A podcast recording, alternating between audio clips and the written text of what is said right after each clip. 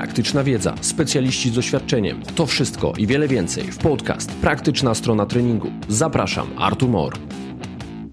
Cześć, ponownie jestem w Warszawie i nie sposób było się nie spotkać z najbliższym memu sercu i poglądom fizjoterapeutą Albertem Filipem Żołądkiem. Cześć Albercie. Witam serdecznie ponownie. Ostatnio rozgrzebaliśmy temat leczenia ruchem. Teraz chciałbym pogrzebać trochę bardziej precyzyjnie i pogrzebać trochę w sile. Co ty na to? Bardzo chętnie. Uważam, że ten aspekt jest e, nadal po macoszemu traktowany, jeżeli chodzi o polski standard fizjoterapeutyczny i myślę, że będziemy mogli tutaj sporo o tym powiedzieć. Odczarować tą siłę. No właśnie, odczarować. Takie odczarowanie powinniśmy zacząć od samej definicji, czym ta siła mięśniowa jest, z definicji zdolność naszych mięśni do przeciwdziałania albo pokonywania oporów zewnętrznych, czyli sił zewnętrznych, czyli tak naprawdę dzięki sile jesteśmy w stanie poruszać się w otaczającym nas świecie. Dzięki sile mięśniowej nasz aparat ruchu spełnia swoją funkcję, porusza nas. Dokładnie. Tutaj nie na darmo się wzięło to powiedzenie, że siła jest matką. Oczywiście będziemy się śmiać, bo to nie ma co wyolbrzymiać, natomiast tak, siła jest y, bardzo ważną, ważnym komponentem. Oczywiście nie negujemy też znaczenia innych komponentów, tak, które Ale wiele wynika chodzi... z tej siły. Tak. Finalnie siła daje nam naprawdę bardzo dużo możliwości. E, oczywiście będziemy też rozmawiać o tym, czym jest pojęcie resilience, czym jest właśnie self-efficacy, bo tutaj ta siła pozwala torować pewne rzeczy i myślę, że fajnie daje możliwości po prostu naszym pacjentom, czy też podopiecznym po prostu do pracy na własną rękę. Mhm. No właśnie, do tej autoterapii. Tak, w zasadzie tego, czym moim zdaniem powinna być finalnie fizjoterapia, po jakimś czasie oczywiście. Jeżeli pacjent czy też nasz podopieczny jest w stanie pracować samemu, to my powinniśmy dać jak najwięcej narzędzi do tego, żeby mógł tak pracować. Jeżeli czymkolwiek pracujemy, musimy być pewni, że to jest bezpieczne. Czy trening siły jest bezpieczny? Oczywiście zdania będą podzielone, natomiast myślę, że nasz warsztat opieramy na takim treningu, więc możemy powiedzieć w swoim imieniu. Powołamy się pewnie później na badania, jakie znając Ciebie. Natomiast trening siły jest bezpieczny tak długo, jak jest odpowiednio przeskalowany. Tak? Czyli odpowiednie regresje, progresje. Mamy Intensywność, mono... objętość, tak. częstotliwość i tak dalej. Dokładnie.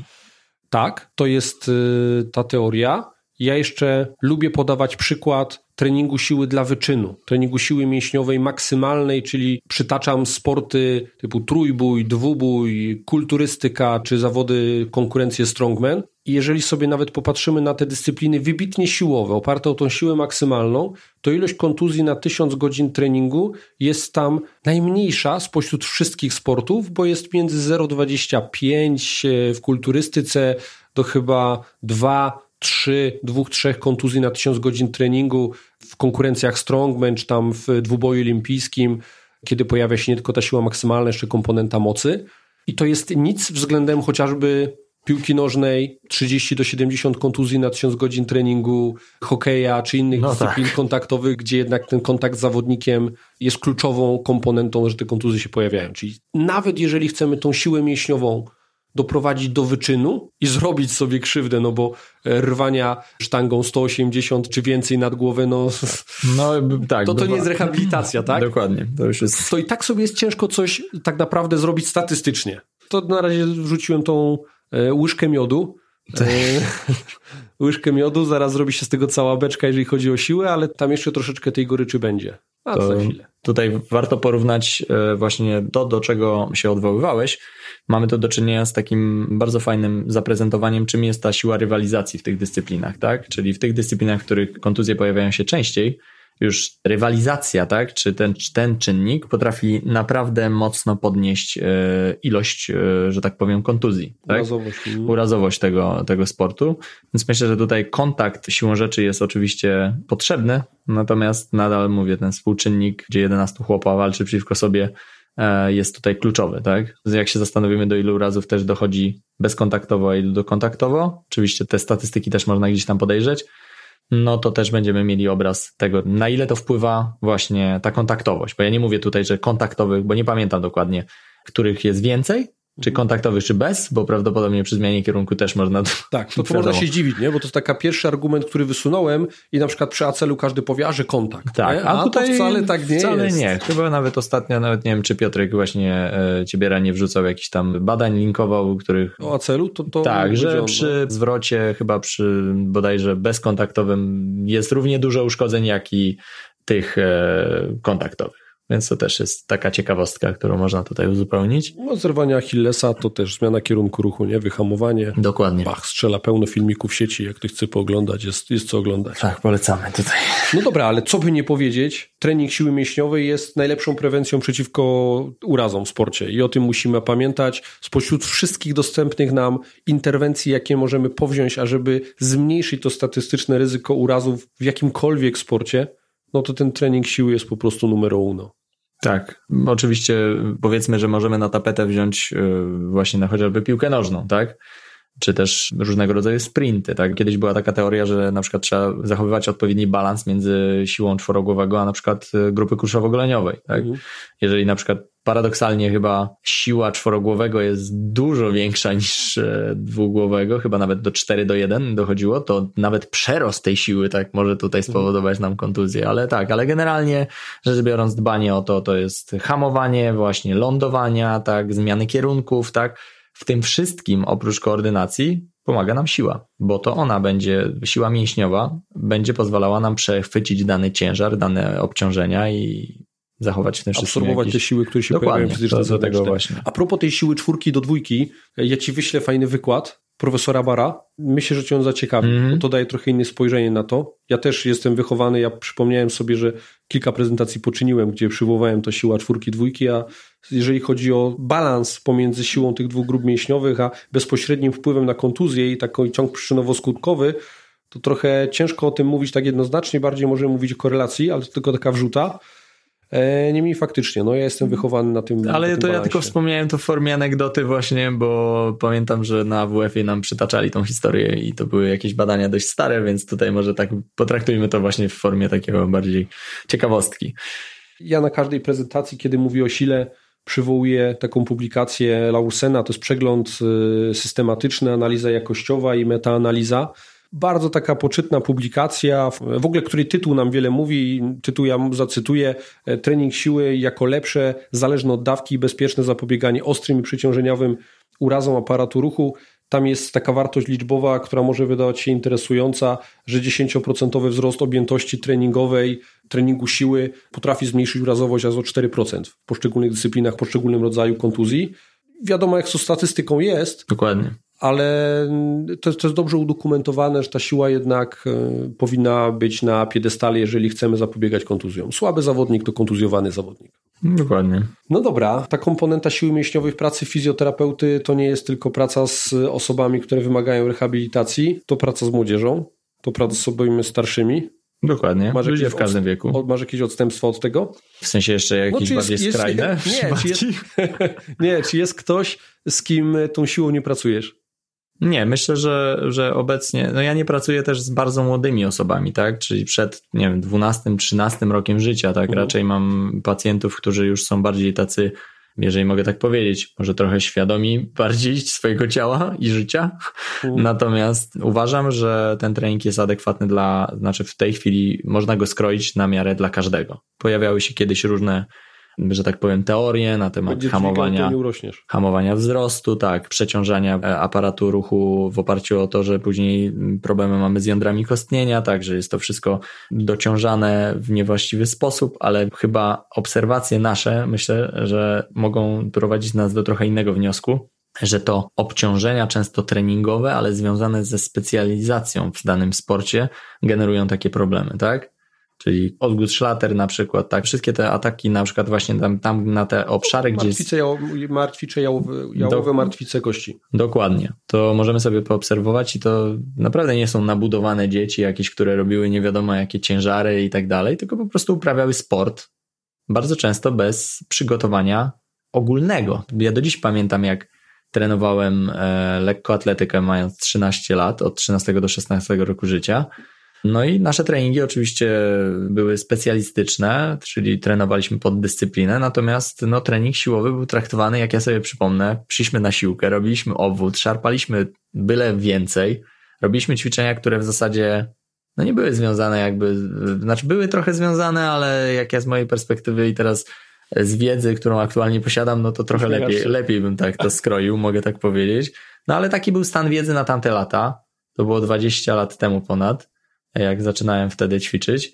No i się robiło wszystko, no po prostu jak kto był słaby, to odpadał, no tak to... Tak, to Adaptacja tak, albo śmierć. Adaptacja albo śmierć, do or die, po prostu, także nic mnie nie zdziwi, więc te dzieci generalnie, czy tam ludzie właśnie młodzi w takim wieku, po prostu mi się wydaje, że to jest y, taki mit się narodził ze skrajności po prostu, tak? Powiedzieliśmy sobie o tych osobach młodych, no powiem dość często zdarza mi się mhm. pracować z osobami 15, 16 lat, czasami nawet 14-latkami, Najczęściej to są takie niespecyficzne dolegliwości bólowe ze strony mm -hmm. aparatu ruchu i historia tam jest zawsze podobna. No, czyli, chętnie posłucham właśnie. Czyli jest jakaś tam dyscyplina uprawiana, sportowa, nawet rekreacyjnie, pojawił się nagły wzrost, Dokładnie. siła nie nadążyła, czyli mamy nagły wzrost y, kości, czyli ramiona dźwigni działające na poszczególny staw zwiększyły się, komponenta siły nie wzrosła adekwatnie, no i nagle się okazało, że ten aparat ruchu jest przeciążany, bo jeszcze nie zdążył się zaadaptować. I wtedy zaczynają się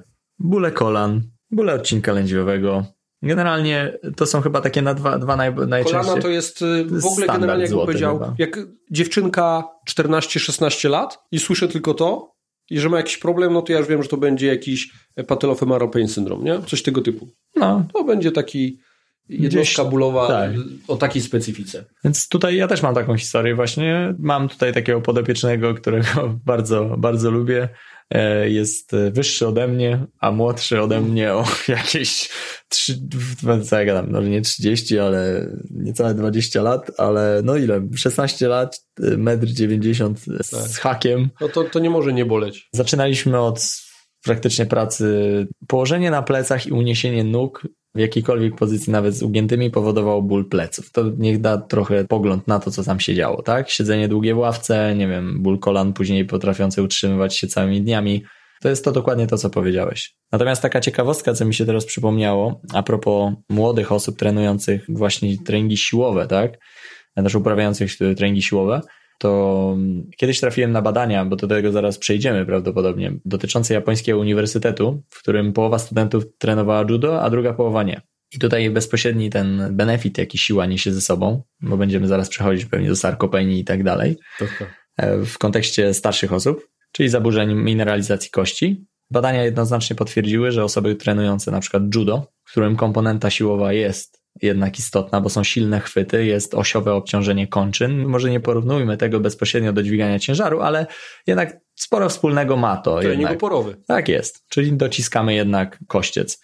Miało o kilkanaście do kilkudziesięciu procent wyższy współczynnik bone mass density, czyli tak BMD, czyli po prostu mineralizacji kości i mieli też mniejszą ilość incydentów złamania tych kości zarazem, także to było monitorowane. Teraz musiałbym przytoczyć, bo to ładnych kilka lat temu czytałem te badania, ale pamiętam, że były takie dość e, przekonujące po prostu, tak? Mhm. No, normalna rzecz. Trening nas po prostu hartuje w jakiś taki sposób. Bezpośrednio tutaj, nawet kości. Zgadza się. Wydłużmy linię czasu, przejdźmy do osób starszych. Zrobię takie wprowadzenie. Utrata masy mięśniowej to około 1% rocznie, począwszy od 30 roku życia. Z wiekiem przyspiesza. Tak, z wiekiem przyspiesza. Potem te wartości wyglądają naprawdę zdecydowanie gorzej. Warto dodać, że wraz z wiekiem wypada coraz bardziej niekorzystnie proporcja włókien szybko-dowolno-kurczliwych, czyli te włókna, które pierwsze tracimy i które zaczynają ulegać degradacji, to są te włókna szybko-kurczliwe. I teraz cała sarkopenia rozbija się właśnie o to i musimy temu skutecznie przeciwdziałać. Tak, i tutaj rozwiązanie jest proste. Jak się leczy sarkopenię terapią manualną? No prawdopodobnie musiałby się ktoś y, wypowiedzieć, kto się doskonale zna na tej terapii manualnej. Może nie jestem ekspertem w tej dziedzinie. Dobra, sorry, no to, to wiem, trochę było mocne z mojej strony. Może mocnym ugniadaniem na przykład. Natomiast, nie wiem, nie wiem, może zostawmy ten temat generalnie, natomiast na pewno jest jakiś sposób. Kurczę, Albert, z kim mogę takie heszki robić, jak nie z tobą? No. No. Bądźmy merytoryczni, ale też tak zostawmy sobie trochę na uśmiech na twarzy. Tak jest. Okej, okay, dobra. Co jeszcze o tej sarkopenii? No na pewno, jeżeli chodzi o sarkopenię, no to warto uwzględnić właśnie trening siłowy znowu. No będziemy monotematyczni dzisiaj mocno, ale znajdziemy wiele podań, wiele badań na temat tego, jak trening siłowy jest w stanie wyhamować, może nie zahamować, ale spowolnić, bo na tym polega też fizjoterapia, umówmy się, long term, żeby minimalizować utratę. Jakość życia. Dokładnie. Poprawić. To, co powiedziałeś o włóknach szybko kurczliwych względem wolno kurczliwych Jest taka teoria właśnie chociażby, na której opiera się cała, znaczy nie cała, ale w dużej mierze na przykład ideologia stojąca za kinetic control, czyli kontrolą reedukacji motorycznej, że my do pewnego stopnia, jeżeli nie potrafimy korzystać ze strategii niskoobciążeniowych, których wykorzystane są oczywiście jednostki motoryczne wolne i szybkie, częściej korzystamy, jeżeli mamy zaburzony jakiś wzorzec, z, ze wzorców wysokoobciążeniowych, czyli z tych szybko kurczliwych, tak? No i teraz można wyciągnąć daleko posunięty wniosek, że jeżeli tracimy te szybko kurczliwe włókna, czyli tracimy też kompensacje. Jeżeli tych kompensacji przez lata, powiedzmy sobie szczerze idąc dalej, hipotetycznie nie usuniemy, według tego, co ja tutaj wyznaję jakąś zasadę, oczywiście nie ma co demonizować, bo naprawdę nie wszystko trzeba usuwać i nie, nie bądźmy czepialscy, ale może to pociągnąć ze sobą po prostu eliminację jakiejś kompensacji. No i w tym momencie ten aparat, który trzymał się na stalowych linach, które my sobie wytworzyliśmy z wiekiem, a mamy tendencję do używania, pamiętajcie, jednak tych szybko kurczliwych właśnie w sytuacjach, kiedy aparat jest niewydolny, bo po prostu to kontrakcja też na tym polega, tak? Przecież spięcie całego gorsetu, czy też napięcie mięśni antagonistycznych, żeby powstrzymać jakiś ruch albo na przykład zapanować nad nim, ale to jest wysoko nieefektywna strategia energetycznie, tak? Czyli mięśnie nie wydolą w takich strategiach Energochłonna bardzo. Dokładnie. Może to też z tego wynikać po prostu późniejsze problemy. Natomiast trening siłowy, jeżeli nawet nieudolnie będzie implementowany, to może mimo tych kompensacji wydłużyć nam te funkcjonowanie komfortowe o ileś tam lat, tak? Także nie trzeba wszystkiego reedukować, jak się okazuje. Znaczy, to jest oczywiście teorie snujemy teraz, tak. ale myślę, że ma to jakiś sens. I nawet z perspektywy osoby, która po prostu obserwuje tak jakby świat fitness, świat siłowni też w jakimś tam stopniu, Dlaczego obserwujemy ludzi, którzy są mega rozbudowani i mają, już są wiekowi i nadal nie narzekają za specjalnie na bóle, a czasem patrząc na ich technikę, to nam normalnie oczy wypływają, tak? Może tu jest odpowiedź. Ale ja tego nie wiem, to jest tylko pewnego rodzaju moja hipoteza. Ale powiedzmy coś złego o tej sile. Co złego? O konsekwencjach ukrytych może porozmawiajmy. Jasne. No tak ja, jak... te, ja ten temat lubię. My obydwoje mamy taką, wypowiadam się mhm. za nas, ale, ale rozmawialiśmy też przed, y, przed tym podcastem. Mamy tendencję do podważania tego nawet, co lubimy, nie? Czyli przykładem u ciebie jest stretching, który przewałkowałeś na kilka stron i świetnie podyskutowałeś z sobą y, w mediach społecznościowych. Ja mam trochę tak z siłą, pomimo że jestem, prezentuję postawę wyznaniową względem siły, to wiem, jakie ona ma ograniczenia i jakie są te limitacje Takim pierwszym przykładem wiem, że ona nie zawsze musi być dobra. Jeżeli sobie będziemy próbowali coś zarzucić, to trening siły jest świetnym narzędziem, który daje nam szansę na wyprodukowanie konsekwencji ukrytych, na przykład zmian zwyrodnieniowych i degeneracyjnych, nie? których nie widzimy, że one się dzieją. To, co powiedziałeś, y, ta technika nie jest na przykład idealna, obciążenia idą za szybko, wydaje się, że wszystko jest ok, a tam już y, coś w tym stawie nie do końca musi dziać się tak, jak powinno. No Nagle się okazuje, pojawia się jakaś forma zwyrodnienia, jakiejś degeneracji tego stawu. No i teraz tak, czy to jest jakimś problemem, czy nie? Pierwsze, co przychodzi do głowy, tak, jest problemem, no bo każda zmiana zwyrodnieniowa potencjalnie problemem może być. No ale wiemy, że jeżeli sobie nawet weźmiemy rezonans kręgosłupa, sportowca, który będzie miał kilkupoziomową dyskopatię, guzki szmorla, zmiany zwyrodnieniowe, pożółkę więzadła podłużne kręgosłupa, ale on robi całkiem okej, okay. jego całe życie ten kręgosłup y, nie musi boleć. A może mieć kogoś z minimalną dyskopatią i będzie jednak bolało.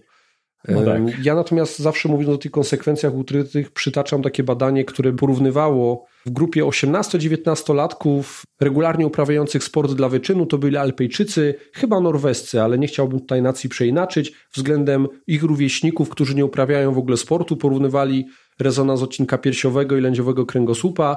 I co się okazało, ci młodzi ludzie, którzy uprawiali narciarstwo alpejskie dla wyczynu, bo to był wyczyn konkretny, mieli znacznie większą ilość zmian zwyrodniowych degeneracyjnych w tych dwóch odcinkach kręgosłupa.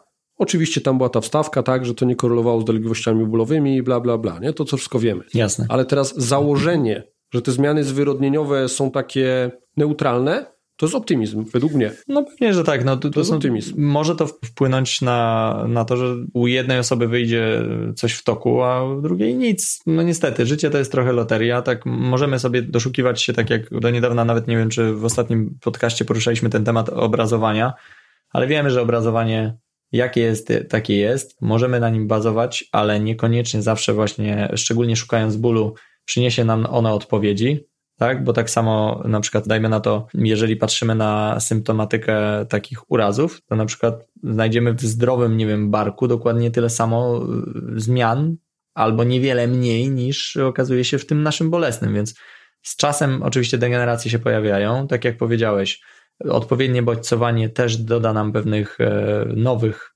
degeneracji na przykład. E, nie można tego bagatelizować w każdym razie, tak? To nie jest tak, że możemy sobie dokładać ciężaru bez końca, progresować szybko. Właśnie tutaj dochodzimy chyba do tego takiego punktu, w którym zawsze warto się zastanowić, gdzie jest granica tego ludzkiego ciała. Wiemy, że jest daleko przesunięta, natomiast jakieś też zachowanie chyba umiaru w tym wszystkim. No, nie ma co rezygnować, wszystko nas niszczy, tak? Od diety po brak snu, więc yy, to jest tylko dawkowanie trucizny w Zgadza tym momencie.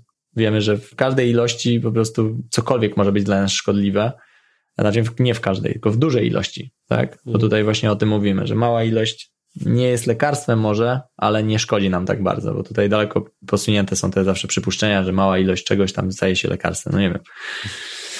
To takie dyskusyjne dość. Okej, okay. przejdźmy do konkretów w tym, czym się paramy na co dzień. Lokalizacja treningu siły w protokołach rehabilitacyjnych, czyli powiedzmy sobie o kilku case'ach, w których wykorzystujemy trening siły jako tą magiczną tabletkę, jako to coś, co ma uzdrawiać. Zacznę może od tendinopatii. No, czyli już z tendinopatiami, czy jesteśmy sobie w stanie lepiej radzić, albo w ogóle tak, inaczej radzić, aniżeli treningiem siły?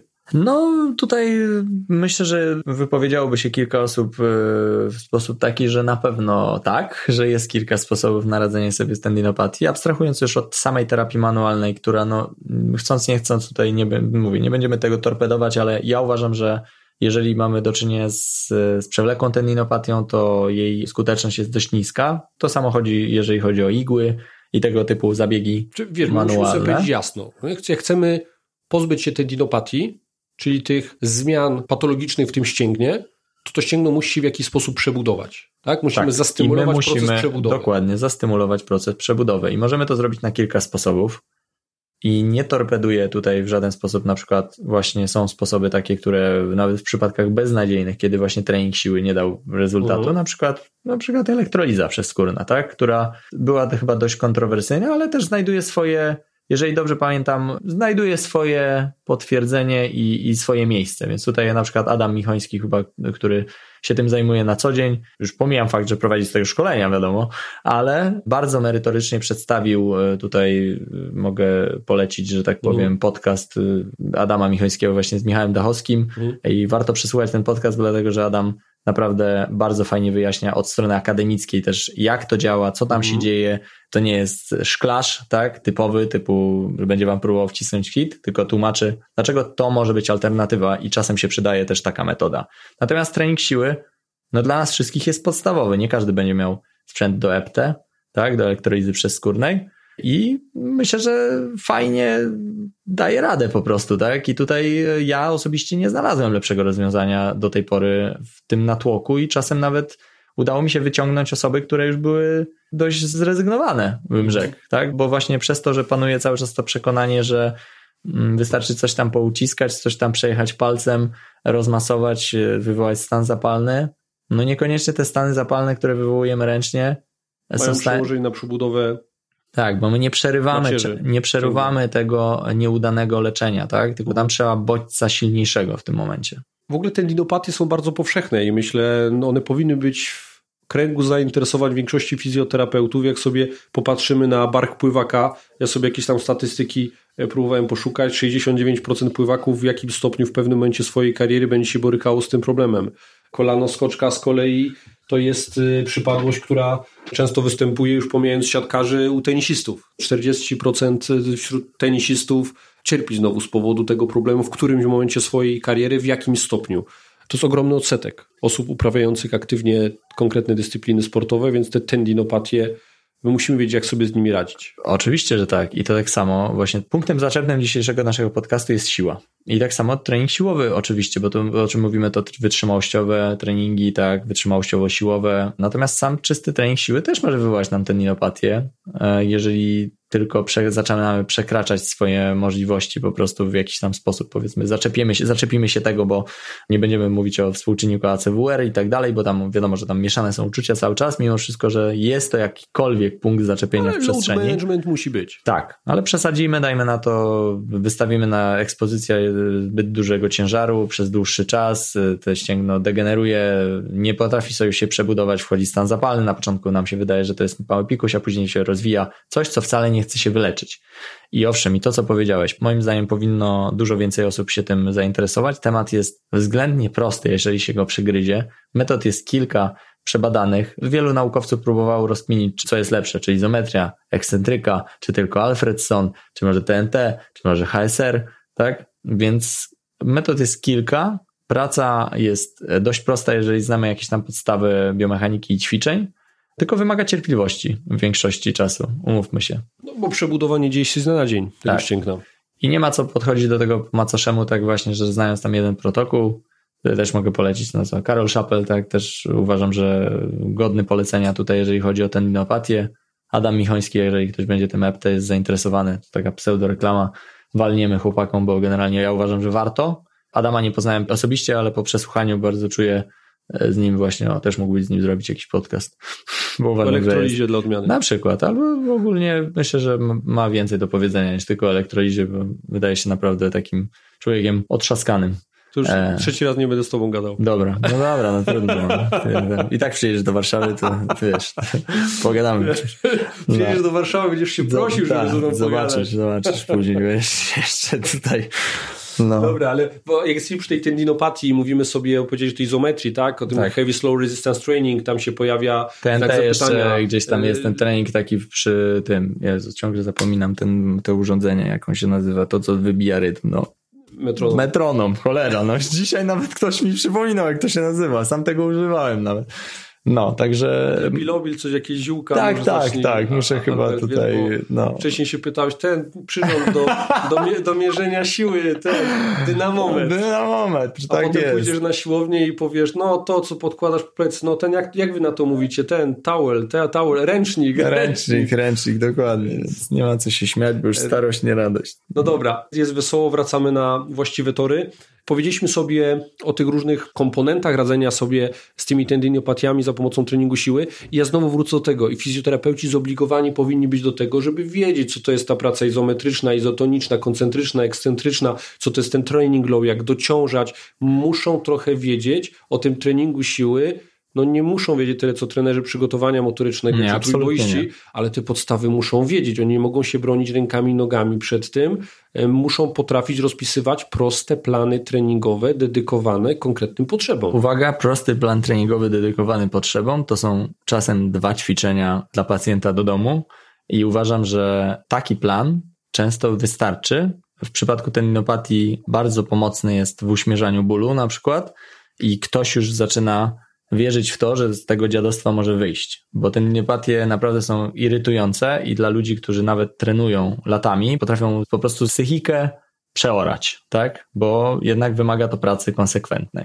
Samo umiejętne operowanie izometrią jest świetnym działaniem przeciwbólowym dla w przypadku tendinopatii, i otwiera tak. furtkę do skutecznej terapii, która budzi zaufanie podopiecznego. Warunkiem jest, ażeby ten trening izometryczny, żeby doczytać trochę, że fajnie by było, bo to teraz takie suchary z literatury, 70% tego, tej siły maksymalnej i czas trwania 45 sekund. Nie? To nie możemy go mieć 10 sekundówki, musimy mhm. sprawić, żeby ta praca izometryczna była dłuższa, doczytać, wkomponować sobie w trening, zrozumieć, tak, tak, ale też zrozumieć, że jak czasem zrobimy 30 sekund, to też się nic no nie, nie, stanie, no to... a jak czasem zrobimy 50, to też się nic nie stanie. Właśnie to jest, to jest to, co nabieramy doświadczenia w pracy właśnie tego typu metodami, tak, że nie wszystko jest czarne i białe i, i książka no, nie, służy nam jako... Nie, ma magii w 45 sekundach, nie? tak samo jak nie ma magii w, w 10 powtórzeniach i w 9. Albo w czasie no. trakcji, tak, bo torebka nie puszcza od pewnego momentu, tylko no, umówmy się, ale już nie, nie idę tą drogą.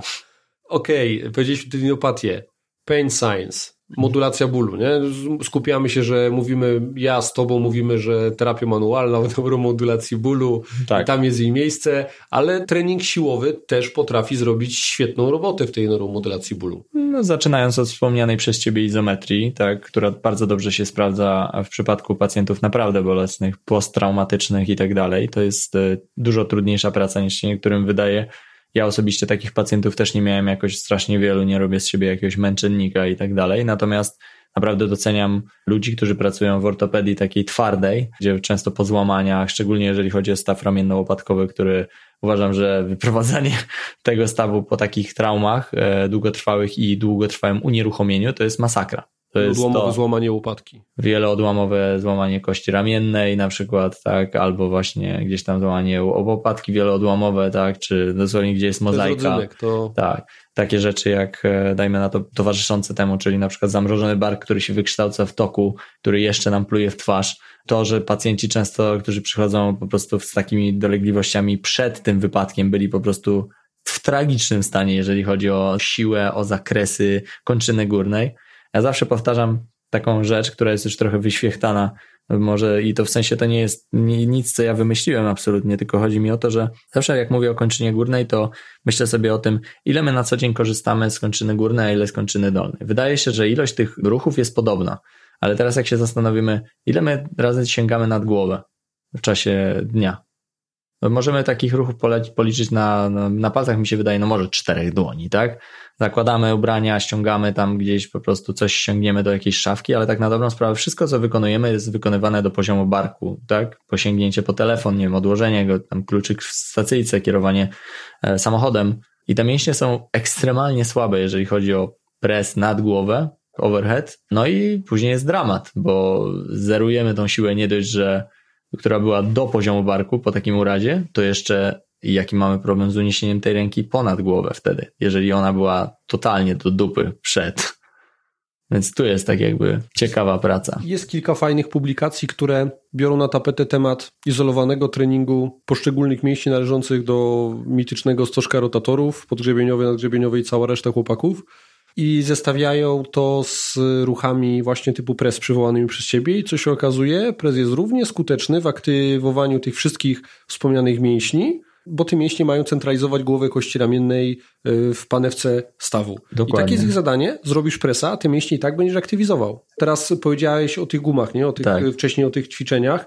Nie zawsze się musimy na tym fokusować. Czasami po prostu ten pres jest świetnym lekarstwem. Dokładnie. Uniesienie ręki jest czasem świetnym lekarstwem nad głowę wielokrotne dziennie, tak? E, Natomiast e, to, co, o czym ty wspomniałeś, to na przykład też przywoływany przeze mnie wielokrotnie Adam Mikins, on prezentował na swoim szkoleniu kilka tabelek, w którym po prostu pokazywał aktywację e, poszczególnych mięśni stożka rotatorów i nie tylko, bo tam wchodziły też właśnie na ramienny, gdzieś tam najszerszy i tak dalej, podłopatkowy, zębaty. W większości testów Open Can, Empty Can, te mięśnie aktywowały się równomiernie. Więc jeżeli chodzi o nawet wyłączanie tych mięśni, czy też testowanie ich, to te testy po, powinny posłużyć jako wykluczenie, tak? Rule out jakiejś tam dysfunkcji. No i to jest właśnie też umiejętność korzystania z tych testów. Ale mieliśmy mówić o Pain Science, a ja znowu zjechałem w bok, za co się przepraszam. Jeżeli chodzi o Pain Science i rola treningu w leczeniu bólu, jest niesamowicie istotne, bo przełamywanie barier, które tworzą się w ludziach przez ból, właśnie, przez brak pewności siebie w danym ruchu, tak, czyli właśnie to niskie self-efficacy, czyli to, to w ogóle, że pewność, że ja mogę wykonać dany ruch samemu, tak, że ja w ogóle mogę poruszać tym ramieniem. Ludzie tak to demonizują do pewnego momentu, że dochodzi z czasem do sensytyzacji, tak, czyli po prostu mózg ma skorelowany dany ruch z bólem, Wtedy tego bólu strukturalnie już tam może nie być, ale on ma tak głęboko zakorzeniony strach przed tym, że wejdzie w ten ból i ten ból tam jest, a tego bólu fizycznie może tam nie być. A nawet jeżeli jest, to siła, trening siłowy pozwala nam eksplorować ten zakres, tak? Czyli żeby ta dana osoba wykonywała dany ruch, nawet z obciążeniem, w pewnym momencie oczywiście, żeby zrozumiała, że to nie jest dla niej niebezpieczne, że to nie generuje takiego bólu, jak ona przepuszczała. Mało tego, z każdym powtórzeniem albo z każdym kolejnym treningiem ten ból będzie coraz mniejszy, paradoksalnie. Albo może wyjdzie dalej, ale ten ból będzie cały czas na tym samym poziomie, gdzie wcześniej bała się na przykład wchodzić w ten zakres. Trening siłowy jest nie- nieodłącznie związany z nauką zarządzania bólem. Bólu Dokładnie. chronicznym. To ja nie widzę szansy efektywnie zarządzać bólem chronicznym, jeżeli nie spróbowaliśmy, jakoś nie wpletliśmy treningu siłowego. I tutaj znowu pojawiają się takie koncepcje, mówię gdzieś tam od Adama, też od Korkinetika, Greg Leman na pewno też o tym mówił, mówię. To są te nazwiska, które ja cały czas y, przewijam i na pewno też one się pojawiły, nie wiem, dr Jarrod Hall na przykład, on jest od Barku, bardzo fajny Australijczyk taki. Jakie ma znaczenie w ogóle to, jakie, z jaką języką osobą my pracujemy, tak? Mamy, tak jakby można powiedzieć, bardzo upraszczając, mamy dwa rodzaje klientów, pacjentów. Tak, jedni to są ci, którzy się wszystkiego boją, czyli ten współczynnik self-efficacy i resilience jest bardzo niski, czyli tego możliwości pokonywania tego bólu i tak jakby świadomości tego ciała. Oni najchętniej będą chcieli, żeby wszystko zrobić za nich, dać im najłatwiejsze ćwiczenia i będą unikali danego ruchu, żeby nie prowokować tego bólu. Ich to trzeba właśnie challenge'ować, tak? Czyli trzeba im dawać próbę wejścia w to, albo nawet ich trochę zdistraktować. To właśnie na szkoleniu moim dyskutowałem z kilkoma osobami, z Kubą Surmaczem między innymi, żeby odciągnąć ich od danej funkcji, której oni się boją i coś zaproponować, żeby oni wykonali ją, ale, ale nie wiedzieli nawet, że oni ją wykonują. Już nie mówimy tu o rozmowie, bo można oczywiście tego typu, ale nawet w formie jakiejś zabawy albo coś. To zależy wszystko od osoby, z którą współpracujemy. Natomiast drugi model, czyli ten endurer, to jest czasami nawet trudniejszy do opanowania, bo to są ludzie, którzy są hardkorowymi treningowcami i oni z reguły, jak im coś dajemy, to oni robią do upadłego coś. Czyli mówimy, żeby zrobili jedne nas ćwiczenie na, nie wiem, na dwa dni, a oni robią codziennie. Albo na przykład prosimy ich, żeby pokazali nam, gdzie ich boli, i oni wymachują ręką tak, żeby po prostu, że normalnie ta ręka by się urwała, gdyby ich coś tam naprawdę bolało i, i, było coś nie tak, a oni szukają tego bólu, bo po prostu mają taki nawyk i cały czas sprawdzają, kiedy ich boli, tak? Czy sprawdzają, czy ten ból cały czas tam jest. Przez to e, może przebodźcowują cały Przyznaj czas. się robiłeś tak, Albert. Oczywiście, że tak. Ja też. Właśnie ja o to chodzi. Każdy, Ciekawe, czy mnie dzisiaj boli. Tak, każdy kto, każdy, kto przerabiał ból biodra, ból barku, ból, no czegokolwiek, to będzie grzebał w tam, bo, bo dopóki ktoś mu nie uzmysłowi, to to też jest rodzaj bodźca, który może prowokować, a dopóki my nic nie sfiksujemy albo nie próbujemy wyłapać deficytów, które mogą te potencjalnie powodować ten ból, no to tak sobie grzebiemy. I to też jest ważne, żeby uświadomić, przestań to robić do cholery, nie? Ja ci tu przeskaluję trening i trzeba ich hamować, tych, właśnie tych ludzi. No i to jest tak jakby y, dobry przykład na to właśnie jak Pain Science ma znaczenie, bo musimy dopasować rodzaj pracy, musimy przeskalować tamtych pierwszych, którzy się boją, musimy odpowiednią gradację im zastosować, a tym musimy zrobić redukcję tym drugim, tak, tym endurersom, bo oni po prostu najchętniej to by się od razu na sztangę wrzucili, jak tylko się lepiej poczują. Więc im trzeba zrobić regresję bardzo często treningową, bo oni tkwią w bólu, bo oni nie potrafią zejść z intensywności albo jak tylko jest lepiej, to zaraz wracają na trening i no i znowu to samo, tak?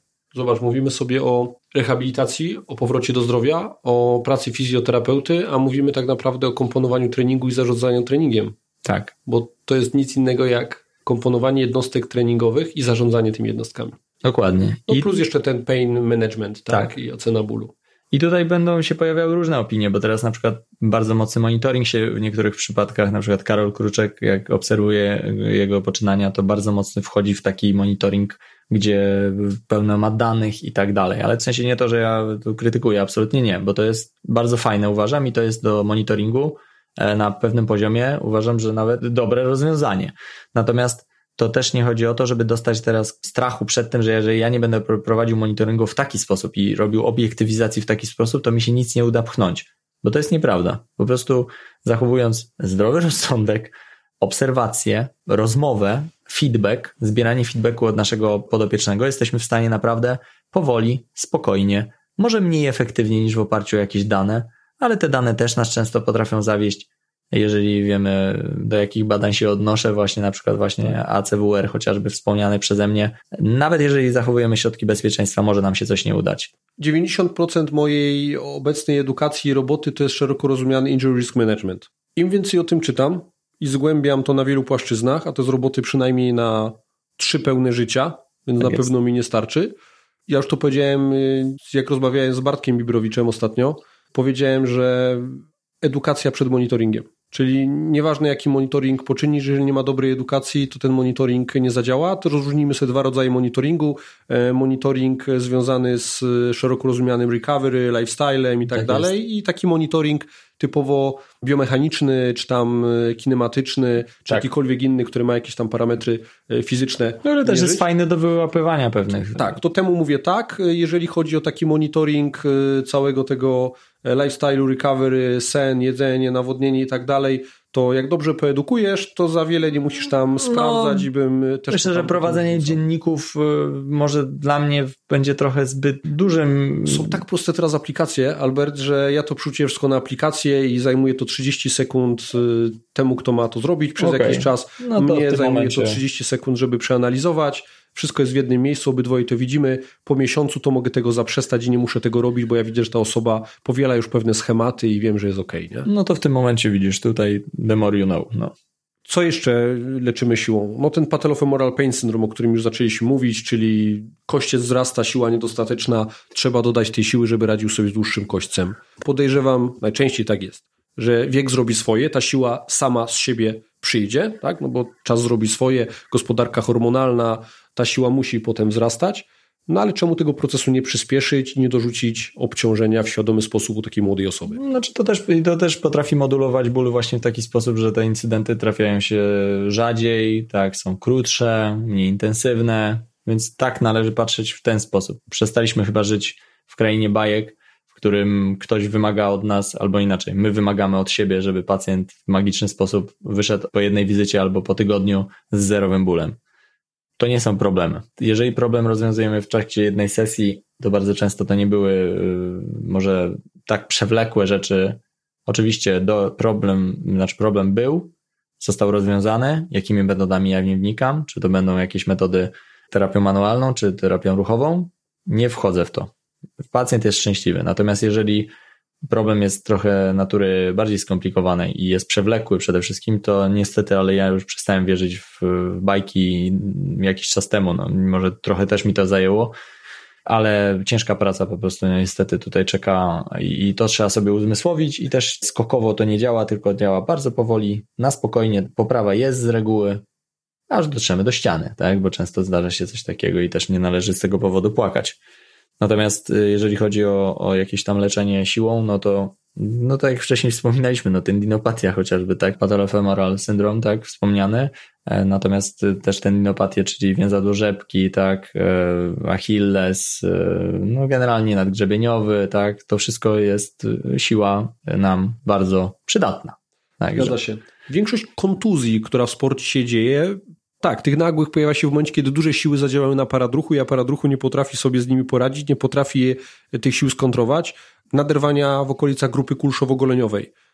Sytuacja, w której do tego dochodzi, zgięcie w stawie biodrowym plus dynamiczny wyprost w stawie kolanowym, czy to mhm. w przypadku kopnięcia, czy w przypadku dynamicznego biegu, ogromne siły pojawiają się na hamstringach na grupie kulszowo-goleniowej, jeżeli one nie potrafią w krótkim oknie czasowym zaabsorbować tej siły, skontrować jej, przeciwdziałać jej, rozproszyć ją, mm, no to dochodzi do uszkodzenia tej struktury. Co możemy zrobić? Sprawić, żeby te mięśnie były silniejsze, no i też w dynamice, żeby one były silne, nie? żeby one potrafiły Dokładnie. szybko tą siłę generować. Dokładnie tak. Siły I tutaj w, w, tym momencie właśnie co, sięgamy po ćwiczenia jakie? Specyfika treningu siły, nie? Specyfika treningu siły i też ćwiczenia z grupy, które generalnie były później brane pod lupę, typu na przykład Nordic Hamstring, które też się wdarły na salony poniekąd i też robiły swoją jakąś tam furorę. No ale to jest, to jest dobra furora, tylko każdy mówi, że wow, magiczne ćwiczenie, nie?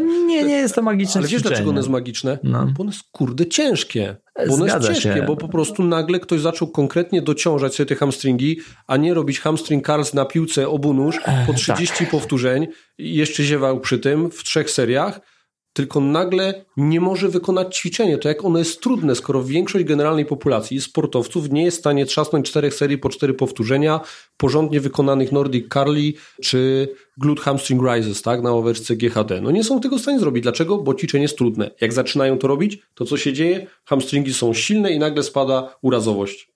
Tak, no, uczą się też hamowania odpowiedniego, tak, czyli pracy ekscentrycznej. Tutaj w tym momencie wiadomo, że to jest skill sam w sobie. Tak jak przy rozciąganiu to jest odpowiednie wyhamowanie, czy też luzowanie mięśnia w trakcie, potrzebne do wejścia w dane rozciągnięcie. To jest osobny skill niż praca nawet ekscentryczna, więc praca ekscentryczna będzie jeszcze czymś innym. Natomiast to, co powiedziałeś, underdosage, tak? Czyli to, co do tej pory też jest, nie wiem, czy to tam chyba później będziemy na ten temat jeszcze mówić, natomiast niedociążenie, tak, po prostu danej grupy. Martwy ciąg oczywiście obciąża grupę kulszowo-goleniową, ale od której strony? To jest, gdzie jest punktum fixum, czym my ruszamy w stosunku do czego i w jakim ustawieniu też kończyn. Czyli tutaj przez kolana idzie głównie praca, a nie przez biodro. Więc ten przyczep dalszy tak jakby ma trochę więcej do, do roboty. Pytanie też, jaki będzie setup startowy takiej osoby, tak? Jak ją ustawimy, jakie są jej proporcje kostne wyjściowo Dokładnie. i czy my uzyskamy taką aktywację, jaką chcemy, czy przypadkiem dla nas tymi ograniczeniami nie są e, uwarunkowania anatomiczne, których nie przeskoczymy i to ćwiczenie będzie w tym przypadku bez zasady. W, z Nordikami jest e, też taka ciekawostka właśnie związana, że jeżeli mówimy o intensywności, to w tej chwili nie przytoczę dokładnie badań, bo nie pamiętam dokładnie skąd to brałem, ale jeżeli chodzi o intensywność, to właśnie dobrze wykonane nordiki są adekwatne do sprintu. Po prostu angażują mniej więcej z taką siłą, tyle tak jakby, no. tyle, tak, co, co porządny sprint. I to taki interwałowy sprint, tak? Czyli generalnie naprawdę daje popalić. Dlatego, żeby wykonać dobrze to ćwiczenie, to też trzeba je trochę porobić. Bo na początku generowanie siły w tym zakresie, nawet środkowym dla mięśnia jest bardzo trudne. Mhm. Więc zaczynamy teoretycznie z 90 stopni zgięcia w kolanie, czyli wchodzimy w zakres zewnętrzny pracy mięśnia, tak? I jest problem, bo nie możemy hamować, tak? Bo, bo mięsień trzyma przez jakieś ile? 10-15 stopni, a później lecimy na twarz. Więc zanim opanujemy, żeby zejść co najmniej do 405 stopni z hamowaniem, to trochę potrafi zająć. Zgadza się. Co do tej siły, która pojawia się w czasie wykonywania Nordic Carly czy, czy sprintu, e, faktycznie jest wiele publikacji, które próbują nawet ustandaryzować jakąś obligatoryjną siłę w konkretnych dyscyplinach mm. sportowych, wyrażoną właśnie w newtonach, którą powinny te mięśnie wygenerować w konkretnych ćwiczeniach, która ma w jakim stopniu zabezpieczyć przed urazami. Oczywiście to jest y, taka utopia, nie? No bo nieważne jak te mięśnie będą silne, i tak ta kontuzja ma prawo się wydarzyć z wielu powodów. Niemniej to ryzyko możemy w jakiś sposób próbować minimalizować. Mimo wszystko mi jest daleko do próby standaryzowania siły w newtonach, którą gdzieś powinniśmy generować. Nie? To trochę jest e, nadwyrost. To jest próba tej obiektywizacji, tak? E, więc... To, to jest trochę dziurawy na chwilę obecną no, jeszcze. Możemy mówić o korelacji, a nie o przyczynowości. Myślę, że tutaj może być rzeczywiście jeszcze trochę czasu, zanim to się ustandaryzuje. Wejdźmy na pole Piotrka Ciebiery.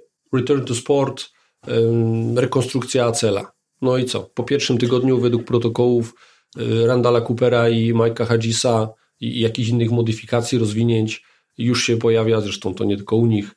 Open. No ale nie, masz, masz wyprost nogi e, i trzymasz sobie wizometrii, nie? I czwórka. Co robi czwórka? Czwórka pracuje siłowo. O nie, najgorzej. To jeszcze czasem nawet z, z lekką gumą oni już rzucają. Także otwarty łańcuch często się pojawia, co, co było do tej pory w ogóle nie do pomyślenia, tak?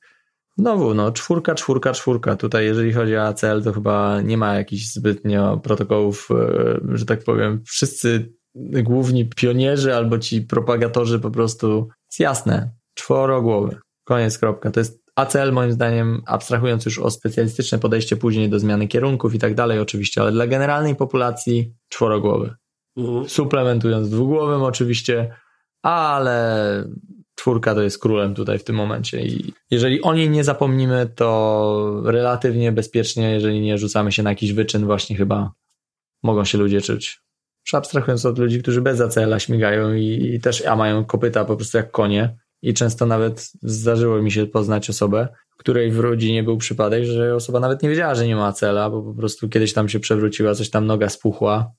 To nie jest takie rzadkie. To, że ludzie nie wiedzą, że mają pozrywane acele, tak. nie jest takie rzadkie. A że facet był kawał byka, silne nogi miał, się w ogóle nie przejmował. Wszystkie prace domowe, wszystkie jakieś te, bez jakichś incydentów później. Natomiast, wiecie, trauma robi swoje. No, kiedyś ludzie, mam wrażenie, że mniej się jednak przejmowali rzeczami niektórymi, takimi wypadkami też. boli, boli, jak wyszło, to wyjdzie. Tak, ignorowało się dużo rzeczy, więc się nie, nie, ta diagnostyka też była dużo taka, może słabsza, mniej rozwinięta, więc e, po prostu dużo rzeczy omijało ludzi. No, ale da się. Ale tak jak powiedziałeś e, sam tutaj, to chyba będzie clue w tych protokołach. Siła. Siła. Powiedziałeś o Acute to Chronic Workload Ratio, czyli ACWR Tima Gabeta. On w swoich wykładach bardzo często wspomina, nie tylko on, ale powiedziałeś o nim, to ja się na niego powołuję, o takim pojęciu chronic rehaber. Osoba mm -hmm. wiecznie się rehabilitująca, która ciągle jest w sferze rehabilitacji, której specjaliści, na których trafiła, nie dociążają i ona ciągle jest w takim maraźmie, bo nie potrafi wyjść z tej strefy rehabilitacji i przejść do strefy e, return to sport, wdrażania już do gry. I to jest duży problem, myślę. Trochę fizjoterapeuci za bardzo i za bardzo i za długo głaszczą w gabinetach na kozetkach. Eee, też, natomiast wydaje mi się, że też w czasie samego treningu czasem jest obawa e, po prostu ze strony fizjoterapeuty i to jest całkiem zrozumiałe, bo pacjent na przykład daje sygnały, że boli że boli, że on tego nie zrobi, bo boli, tak? I fizjoterapeuta też może zgłupieć w pewnym momencie, bo musi podjąć jakąś decyzję. Czy dalej podejmuje się prowadzić taką osobę i próbuje zrobić taki overcoming, tak? Czy jednak e, na przykład wyśle go na jakąś dodatkową diagnostykę i tak dalej, bo to wracamy do pacjenta i wracamy do pain science, tak? Czasem zdarzy się naprawdę niewdzięczna osoba, tak to nazwę do pracy. Nie ze względu na to, że jest jakimś tam nieprzyjemną osobą, tylko po prostu no, jedne osoby są bardziej trochę e, męczące też dla terapeuty, e, ze względu na to, że są bardzo na przykład przestraszone, boją się tego, boją się ruchu wykonać, nie wiedzą, co je czeka i tak dalej. Tutaj Therapeutic Alliance, czyli znowu rozmowa, ugruntowanie, że ciało nie jest słabe, że ile wytrzymało, że więzadła w naszym biodrze są w stanie utrzymać nawet do 400 kilo, tak, że nic z tej nogi nie wyłamie, jakbyśmy nawet tam ciągnął nas jakiś samochód, tak, za ten, za ten jeans. Ugruntowanie, po prostu utwardzanie tej osoby, a ktoś nagle diagnozuje i powie, o Jezu, ale słabe biodro. I wystarczy jedno takie zdanie innego terapeuty, żeby nam rozsypać cały ten zamek, który my sobie budujemy, tak, bo po prostu dana osoba już wie, że ma słabe biodro i kurde, no ciężko jej później e, ćwiczyć. Więc tutaj problem z wyjściem poza dany ciężar to jest odpowiednia praca z danym pacjentem, żeby on się przekonał do tego, że on może, żeby spróbował i tak dalej, a nie na wypadek, gdyby on powiedział, że już nie chce tego, to my się poddajemy bez walki. Musimy mieć narzędzia też miękkie, niestety, bo taka jest nasza praca, do tego, żeby czasem kogoś przekonać i mało tego, Wydaje mi się, że jednak fizjoterapeuta musi czasem podjąć ryzyko, że musi wpuścić go na tę wodę głębszą. Nawet nie wydaje mi się, tylko tak jest, Boże, co ja gadam.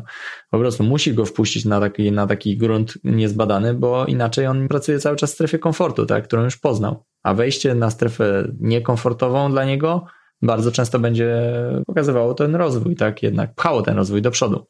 Trening sił jest pod tym kątem też bardzo fajny, bezwdzięczny, bo jeżeli dorzucasz obciążenia i one są na przykład w postaci handli, jakichś ciężarków, mm -hmm. nawet z mocniejszej gumy, ten progres fajnie widać. Możesz nawet się na niego powołać. Zobacz, patrz, w zeszłym tygodniu robiłeś czwórką, teraz robisz z szóstką. Dokładnie. Jest tu też pułapka pewnego rodzaju, bo tutaj idąc, mówię znowu o Skinetica, powołując się na tą, na tą strategię wysoko-nisko obciążeniowe, to czasem pchając za duży ciężar, możemy spowodować, że dane, dane ćwiczenie staje się łatwiejsze. Zaraz do tego pewnie jeszcze wrócimy, dlaczego tak się dzieje, ale co ciekawe, jeżeli robimy dobrą progresję, w sensie nie szalejemy i tak dalej, to jest dokładnie tak, jak mówisz. Mało tego, czasem w tym mniejszym ciężarze jest jakiś problem, a jak zwiększymy ciężar, jest lepsze dociążenie tkanki, jest lepsze czucie, ale to jest jeszcze nie, to jest normalna strategia pracy, czyli po prostu on się rozwija, ten nasz pacjent, i nagle okazuje się, że po serii cięższego ćwiczenia, na przykład ból się moduluje. Na przykład ostatnio mojej pacjentki z Barkiem, właśnie Dominiki, bez nazwisk, ale generalnie pracujemy z Barkiem. Uważam, że też e, ciężko pracuje sama w domu. No, robiliśmy wznosy akurat, takie tutaj odmiana, e, że tak powiem, stosowana u mnie na treningu i przy, bodajże przy piątce chyba, przy, przy czwórce było, było, bywały odczucia jakiegoś klikania, tarcia jakieś bez bólu, ale po prostu było to niepokojące. Mhm. Moment zwiększenia, nagle okazało się, że ustało. Czy zmieniła delikatnie kąt? Tego też nie wiem, bo ja też nie jestem w stanie tego wszystkiego przypilnować, ale wystarczy czasem właśnie pchnąć to i okazuje się, że człowiek się czuje pewniej, tak, dociążony, staw jest dociśnięty, modulacja przez kompresję, cholera wie, ale działa. I właśnie o to chodzi. Dlatego to jest wdzięczne. Powiedziałeś, że ktoś może ci powiedzieć, że masz słabe biodro.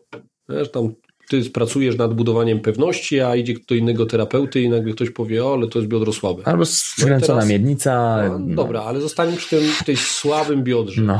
Albo słabych mięśniach pośladkowych. Od razu przychodzi mi na myśl diagnostyka siły w pracy fizjoterapeuty. Mhm. Jak się nazywa ten przyrząd do mierzenia siły? Dynamometr oczywiście, kto o tym nie wie. Nie każdy ma dynamometr w pracy, nie zawsze ten dynamometr można dobrze zaimplementować do konkretnych testów, które możesz wykonać w gabinecie. Co więcej, nie zawsze on jest też skutecznym narzędziem. No nie, to wiadomo, to jest Czasami obiektywizacja, ale też. Dokładnie, więc. Ma swoje ograniczenia. Generalnie w pracy fizjoterapeuty ocena możliwości siłowych w kontekście oceny poziomu siły konkretnego mięśnia jest mocno ograniczona. A mimo wszystko fizjoterapeuci uwielbiają się powoływać na to, czy coś jest silne, czy coś jest słabe. I ja mam trochę z tym problem, bo ja cały czas, jak próbuję sprawdzić, czy jest silne, czy słabe, to się co chwilę oszukuję. Tak. No. Jak już sobie przetestuję tego pośladkowego średniego tymi wszystkimi klamszelami z oporem, pod różnymi kątami, w różnym ustawieniu, a potem zrobię sobie ćwiczenie. To wychodzi mi czasami zupełnie co innego, aniżeli ja wyczułem. Dokładnie. I moim zdaniem nie ma w tym nic dziwnego, dlatego że to takie moje spostrzeżenia, które z pracy mojej mogę wyciągnąć, to jest to, że po prostu potrafimy być słabi w danym ustawieniu, tak? I czy to jest pewnego rodzaju łańcuch kinematyczny, czy jakaś spirala, nie wiem, jakaś pętla, Nieważne, chodzi bardziej, tu się kieruję zawsze raczej ustawieniem samego mięśnia, na przykład czy on jest rozciągnięty, czy on jest skrócony, tak, czy pracuje w wewnętrznym, zewnętrznym, środkowym zakresie. Pytanie o to, czy ja potrafię generować siłę w danym ustawieniu mięśnia, po prostu i tym się raczej kieruję. Same testy, to co powiedziałeś, clamshell może wyjść ok, ale wystarczy nogę wyprostować albo zgiąć bardziej i na przykład już test w tym ustawieniu pójdzie nie tak to już będzie jakaś wskazówka dla mnie, że na przykład jeżeli będę bawił się w specyfikę jakąś, tak, co wiemy, że to też jest mocno dyskusyjne, czyli wchodzenie w szczegółowe takie ćwiczenia, to będę pracował tam, gdzie ten deficyt się stworzył, tak? Więc tutaj szukamy dziury w całym. Natomiast to, co myślę, że jeszcze warto by było dotknąć, to jest manual muscle testing, czyli to, co dużo osób też mogło zrozumieć właśnie a, a propos testowania mięśni, czyli testowania mięśni za pomocą naszych rąk, tak? Czyli my pacjenta testujemy, czy ma silny naramienny, czy ma silny prosty uda i tak dalej. I to niesie ze sobą pewnego rodzaju ryzyko. Bo jak bardzo chcemy, żeby nam test wyszedł, to ten test nam wyjdzie. Nie wiemy, ile tej siły, siły przełożyć, tak? Tu by się przydał ten dynamometr, czyli żebyśmy dociskali zawsze z tą samą siłą. Jest to dość trudne do wykonania, umówmy się, bo ten dynamometr też ma swoje gabaryty i, i nie każdy, nie przyłożymy do ciała pacjenta w taki sposób, jaki byśmy chcieli. To by nam pozwoliło zobiektywizować. Ale nawet jeżeli badania pokazują, bo to oczywiście tam hejterzy tych wszystkich neuromięśniowo-powięziowych metod wykazywali, że jest słabo, na przykład reliable, tak, ten testing taki cały mięśniowy, to mimo wszystko z biegiem lat, jeżeli pracujemy tymi testami manualnymi, to nasza skuteczność rośnie, czyli na przykład już nie potrzebujemy dużo siły do tego, żeby zobaczyć, czy mięsień na przykład jest osłabiony, czy nie. I to jest stwierdzone, że rzeczywiście poprawia się po. Problem jest taki, że dużo osób pracuje na samym początku i się uczy tym. 10 lat musisz mieć porażki i oszukiwać no, siebie i pacjenta i potem zaskoczy. Akurat może Artur tutaj jak nie będziesz, było to 10 lat, tylko jak chyba. Jak będziesz cierpliwy, to. Chyba tam staż był chyba 3 lata. Potem jeszcze 20 lat i na słuch odpala. No, tak. No dobra, tu były 3 lata, ale naprawdę skuteczność wzrosła tam o kilkadziesiąt procent. To było chyba tam o 20 albo 30% z, z takiej lote, rzutem, rzutu monety coin flipa takiego typowego 50%, czy wyjdzie, czy nie wyjdzie. Bo wiecie o tym, że to no, dużo zależy jednak od, od człowieka no to wychodziło chyba tam na, nie pamiętam, w stronę 60 albo 70%. Z tymi procentami i, i z oceną skuteczności wiem, testów? Wiem. Ale nie, nie czekaj, bo no, to... Znaczy nie wiem. Bo, to... Nie, no ty, ty wiesz, tylko nie, niekoniecznie słuchacze no. y, wiedzą. Oceniamy skuteczność i specyficzność testu, tak? Tak. Czułość i specyficzność. No i teraz te testy, jeżeli mają różne tą czułość specyficzność koło tam 52, 3, 4%, ktoś może powiedzieć, o, jakaś skuteczność jest, nie? Tylko właśnie to jest ten coin flip, no to jest po prostu tak. blisko rzutu monetą i zaczyna się już problem. No dopiero no, uratować nas może, jak zrobimy sobie trzy testy na konkretny problem i one wszystkie nam dadzą odpowiedź dodatnią, I... no to wtedy możemy powiedzieć, o, chyba coś może być na rzeczy. Tak, i tutaj właśnie dochodzimy do tego punktu, że ja tych testów, na przykład jeżeli korzystam z manual muscle testing, bo jednak mimo wszystko to była integralna część na przykład PDTR-u, to nie jest tak, że tam się tylko bazuje na tym, żeby znowu tutaj wyjaśnić pewne kwestie, bo tam zaraz się znajdzie jakaś grupa ludzi, że tam o, hurdur.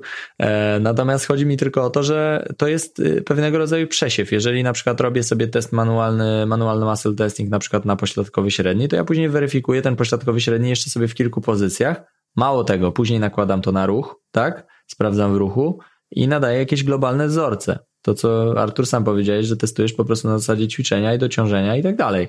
Pytanie tylko, czy mamy na to wszystko czas często, czy wszystko robimy? No nie, no ja też mam jakiś już swój tutaj powiedzmy, że tryb pracy, który testuję, obserwuję pacjenta od samego początku, widzę pewne zachowania, widzę, gdzie są deficyty nawet jeżeli nie, nie jeszcze czegoś nie testowałem dokładnie, a później sobie tylko wy, wyłuskuję, ale nie robię samych testów mięśniowych, manualnych jako tako, tak? Czyli to nie jest jedyny test ja mówię, dobra, masz słaby naramienny albo słaby prosty.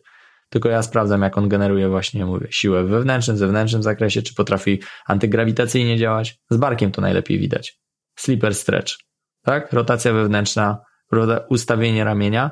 Wystarczy, że ustawicie kogoś przy ścianie w tej samej pozycji i rotacja może być inna. Wewnętrzna. Nagle się okazuje, że jest mniejsza. Dlatego, że on antygrawitacyjnie już jak działa przeciwko ręce, musi utrzymać, nawet jeżeli ręka jest oparta o ścianę, czyli symulujemy to ustawienie takie jak w leżeniu, to już potrafi to zaburzyć e, tak jakby wynik. A przecież rotację miał przed chwilą jeszcze. To co jest grane? Pasywnie, aktywnie. No właśnie to jest to, że, że dlatego ja też, jeżeli mówimy o jakichkolwiek szkoleniach, o czymkolwiek, to nie robimy jednej testu, tylko robimy baterię, czy to, co powiedziałeś. Mówimy tu o testach oczywiście ruchowo-mięśniowych, tak? To nie jest diagnostyka typu chcemy wykluczyć na przykład zerwanie jakiegoś mięśnia, bo tutaj takie testy się przydają, ale tak jak wcześniej wspominaliśmy, open can, empty can i aktywne są wszystkie mięśnie stożka rotatorów, a nie tylko nadgrzebieniowe w tym momencie, tak? No ale jak będzie zerwany albo naderwany, to siła będzie tam drastycznie mniejsza, już nam się lampka zapali. Tak. Ja jak testuję sobie kogoś, łapię się już na tym, bo to też nie Przecież to może być każdy inny mięsień de facto w tym momencie wychodzi z tego, tak. nie? No właśnie. Ja jak kogoś testuję, aż się łapię na tym, że od razu przechodzę do testowania poprzez różne ćwiczenia i sprawdzam sobie w ruchu i dopiero jeżeli tam mi coś nie pasuje, mam jakieś wątpliwości, to sobie dopiero selektywnie zaczynam testować, ale cały czas to jest y, stosunkowo niewielki odsetek mojej pracy. Taką sobie jakąś metodykę pracy wyrobiłem. Nie mówię, że ona jest w żadnym wypadku najlepsza i ma przewagę nad innymi, niemniej oszczędza mi bardzo dużo czasu, bo jak ja zacząłem sobie testować i zachęcam do sprawdzenia. Zacząłem sobie testować manualnie wszystko. Jak ja to wszystko przerobiłem, minęło mi tam 30 minut, 20. Jeszcze sobie poporównywałem. Potem przychodziłem do praktyki. Praktyka mi pokazywała zupełnie co innego i koniec końców ona stanowiła dla mnie punkt wyjścia do dalszych działań. I okazało się, że po roku, dwóch, trzech, kiedy traciłem te pół godziny, stwierdziłem, że, że nie, że ja te pół godziny wolę wykorzystać na inne rzeczy. Robię najpierw praktykę poprzez ćwiczenia, tam sobie oceniam deficyty i potem je sobie weryfikuję różnymi testami e, manualnymi. Każdy ma swoją strategię i oczywiście to jest jak najbardziej. Zostawiam pod rozwagę, to akurat jest taki mój model pracy. Żeby obciążać ciało, potrzebujemy wprawiać je w jakiś konkretny ruch i teraz zaczęliśmy ten temat już ostatnio. Idealne wzorce czy nieidealne? Reedukujemy te wzorce motoryczne, czy obciążamy te, które zastaliśmy? Przykład. Robimy martwy ciąg, czy robimy Jefferson Carl? Rozgrzebaliśmy to kiedyś, ale dokończmy. No, tu wszystko znowu będzie zależało od osoby, która do nas przyjdzie i jakie będzie miała, będzie ja miała Jak często robisz Jefferson Carl? Nie robię wcale. Ja też nie robię wcale. U mnie statystycznie lepiej to działa, jak ja jednak przejdę przez ten martwy ciąg i zrobię taki sterylny, robotyczny ruch i daj mi to lepszy punkt wyjścia do dalszych działań. No tak, to jest kwestia tego, co my chcemy właśnie osiągnąć, to co powiedziałeś. Jeżeli mamy osobę, no nie wiem, która ma problem ze zgięciem kręgosłupa, dajmy na to hipotetycznie, nie mówimy tu o zgięciu w biodrze, bo w Jeffersonie raczej nie będzie problemu przełamanie zgięcia w biodrze, tylko raczej problem deficytu na jakimś poziomie kręgosłupa no to pytanie, czy trzeba robić tego, tego Jeffersona, czy nie ma prostszych ćwiczeń na przykład. Ja, ja stosuję gdzieś ćwiczenia jakiegoś tam prostej reedukacji ustawienia miednicy, później przechodzę do hip hinge'a bardzo często, ustawienie, nie wiem, w pozycjach niskich, jakieś tam klęki, podpory, łażenie w pozycjach niskich i martwy ciąg. I generalnie w ciągu elegancko się to wszystko koryguje, także jest to mega uniwersalne ćwiczenie i, i, super po prostu potrafi zredukować wzorce. Pytanie tylko, czy to jest wzorzec, właśnie porównaliśmy dwa globalne wzorce w tym momencie, tak? Jefferson Curl i, i, i hip hinge w postaci z utrzymaniem właściwej korelacji do podłogi, powiedzmy tułowia w martwym ciągu. A teraz by się trzeba zastanowić właśnie, bo tutaj rozmawialiśmy o tym przed podcastem, czy warto wchodzić jeszcze głębiej, czy warto wchodzić w takie małe dziadowskie ćwiczenia izolowane, tak? No warto czy nie warto? Dla mnie warto. One nie mają może jakiejś tam super wyższej skuteczności. W badaniach często były porównywane te specyficzne, niespecyficzne, ale selektywnie dla niektórych pacjentów bardzo fajnie się sprawdzają właśnie w przełamywaniu strachu, w przełamywaniu bólu, w wyrabianiu konkretnego, małego, segmentarnego ruchu, który później nałożony na inny segmentarny ruch do kupy daje nam ruch zintegrowany, więc może. Czy nawet zbudowania czucia mięśniowego. Dokładnie. I to jest chyba clue tego, więc to nie jest tak, że te ćwiczenia są beznadziejne. Absolutnie nie. No zresztą mówię, tutaj ja się cały czas do koncepcji, których się uczyłem, się będę odwoływał. I tutaj Australijczycy, właśnie mówię, z kinetikiem, chociażby bardzo fajnie zintegrowali te systemy stare, jakieś tam zebrali też ćwiczenia, oczywiście, to bo to Kinetic też jest pewnego rodzaju zbiorem, ale bardzo fajnie gdzieś to wszystko ładnie poukładali i też jest ten wzorzec przejścia gładkiego z takiego poziomu podłogi, można powiedzieć, można to ewoluować później w naprawdę fajne targanie ciężarami, tak? Właśnie i to ja za to to lubię, bo, bo potrafię zacząć pracować w tej chwili z każdym, na każdym poziomie. Od poziomu. tylko wiedzieć, jak wyjść z tego kinetika. Tak, tak, bo to jest właśnie to jest to, że generalnie to się kończy i, Co dalej? i niektórzy mogą zostać na tym etapie, a to niestety nie wystarczy, bo ćwiczenia niskoobciążeniowe, o których ja tak cały czas tam między innymi trąbię, one mają swoje miejsce, natomiast no niestety, ale progresję z nich trzeba już tworzyć na bazie tej naszej wiedzy, którą mamy po prostu, tak? I, i my staramy się przygotować człowieka, żeby nie potrzebował nas w przyszłości, tylko już właśnie dawał sobie radę sam. Jak rozmawiałem z Karolem Szapelem, poruszyłem temat kiedy się kończą kompetencje fizjoterapeuty, kiedy zaczynają kompetencje trenera przygotowania motorycznego i czy jest miejsce dla trenera medycznego tego tworu, mm który się teraz stworzył. Ja kiedyś nie widziałem miejsca dla trenera motorycznego, znaczy tre, trenera medycznego. Teraz widzę to miejsce. Nie ma jasnych granic, czyli kończy ktoś pracę z fizjoterapeutą, kończy się kinetic control i co, już się ma pojawić trener przygotowania motorycznego, a czemu ten fizjoterapeuta nie ma pójść trochę dalej? No, Tym bardziej, że, że, że, że, co, no, że jak weźmie 4 kg do ręki ktoś, to już nie, nie, to są obciążenia, tu już jest trening przygotowania motorycznego? No, Żeby była tak jasne, nie działa. No nie żeby była jasność, ten system ewoluuje, więc na pewno teraz już jak to jest nauczane to przez chłopaków z fizjosportu, tutaj pozdrawiam wszystkich, to na pewno wygląda to trochę inaczej, więc e, nie wyobrażam sobie, że tam stanęli po prostu, zresztą ja ich obserwuję i wiem, co, co mniej więcej tam starają się wdrażać. Natomiast, no właśnie, to jest ten problem, gdzie te kompetencje jakby rozdzielić, no bo jeżeli fizjoterapeuta nie potrafi pokazać ćwiczeń, no potrafi jakąś podstawę z gumami pokazać, ewentualnie jakąś reedukację, no to w tym momencie przypominam, że to jest też w jakimś sposób diagnostyka ruchowa, która nie jest ekwilibrystyka, to jest analiza naprawdę prostych wzorców. Jeżeli mówimy o osobie, która już jest bezbólowa, nadal ma jakieś deficyty, to ja myślę, że trener, który ma odpowiednie przygotowanie, może to przejąć. Tylko kwestia tego, żeby miał znowu zdroworozsądkowe podejście, tak, żeby wiedział, kiedy ma odesłać z powrotem do fizjoterapeuty, do lekarza i tak dalej. No to jest, no niestety, temat rzeka, temat y, nie jest prosty, natomiast myślę, że absolutnie jest miejsce na tego typu łańcuch, e, czy oczko w łańcuchu. Te dyscypliny są tak sobie bliskie i tak płynnie się przenikające, że poszerzanie swoich kompetencji w stronę fizjoterapeutów, w stronę trenera przygotowania motorycznego, a trenerów przygotowania motorycznego w stronę fizjoterapeutów nie jest żadnym fopa i nie jest działaniem nie takim jak trzeba, nie. czy przekraczaniem granic w negatywnym tego słowa znaczeniu. Jest to czymś jak najbardziej zasadnym, bo ten punkt wspólny lepiej rozumiemy, my lepiej pracujemy w tym miejscu, kiedy spotykają się potrzeby obu tych specjalizacji. Ty się powołujesz na przygotowanie motoryczne, tak? A ja bym powiedział, że nawet y, w sensie chodzi o zwykły trening, po prostu, żeby mieć pojęcie o treningu. Ja nawet... nawiązałem do tego, o czym z Karolem Szapelem rozmawialiśmy. Okej, okay, bo trener przygotowania motorycznego to dla mnie na przykład no, to jest zupełnie inna funkcja. Ja, ja na przykład inaczej, nie tyle inna funkcja obca mi, ale na przykład ja nie jestem trenerem przygotowania motorycznego. Prawdopodobnie hobbystycznie sobie skończę gdzieś tam z czasem któryś popularnych polskich kursów. Natomiast chodzi mi tylko o to, że mam jakieś pojęcie o podstawach, nie bawię się w trenera przygotowania motorycznego, bo się na tym nie znam, czyli nie oszukuję ludzi, że ich przygotuję do czegoś. Natomiast absolutnie ta, ta wiedza, ten, ten blend tej wiedzy, który jest potrzebny przy przejściu z fizjo takiego twardego, staroświeckiego do, do tego takiego już bardzo bliskiego zwykłej siłowni, to jest tu problem, tak? Bo, bo z jednej strony na akademickich środowiskach nie kształci się w ten sposób, a nawet jeżeli się kształci w tej chwili, może się coś zmieniło, ale szczerze to wątpię, bo nawet jeżeli były wykłady chyba z jakichś takich podstaw, to, to myślę, że one są jeszcze w trochę e, w stanie, w którym może po prostu w przyszłości będą lepiej wyglądały. No, ale jest ten problem właśnie, gdzie postawić tutaj e, linię, czy w ogóle ją stawiać.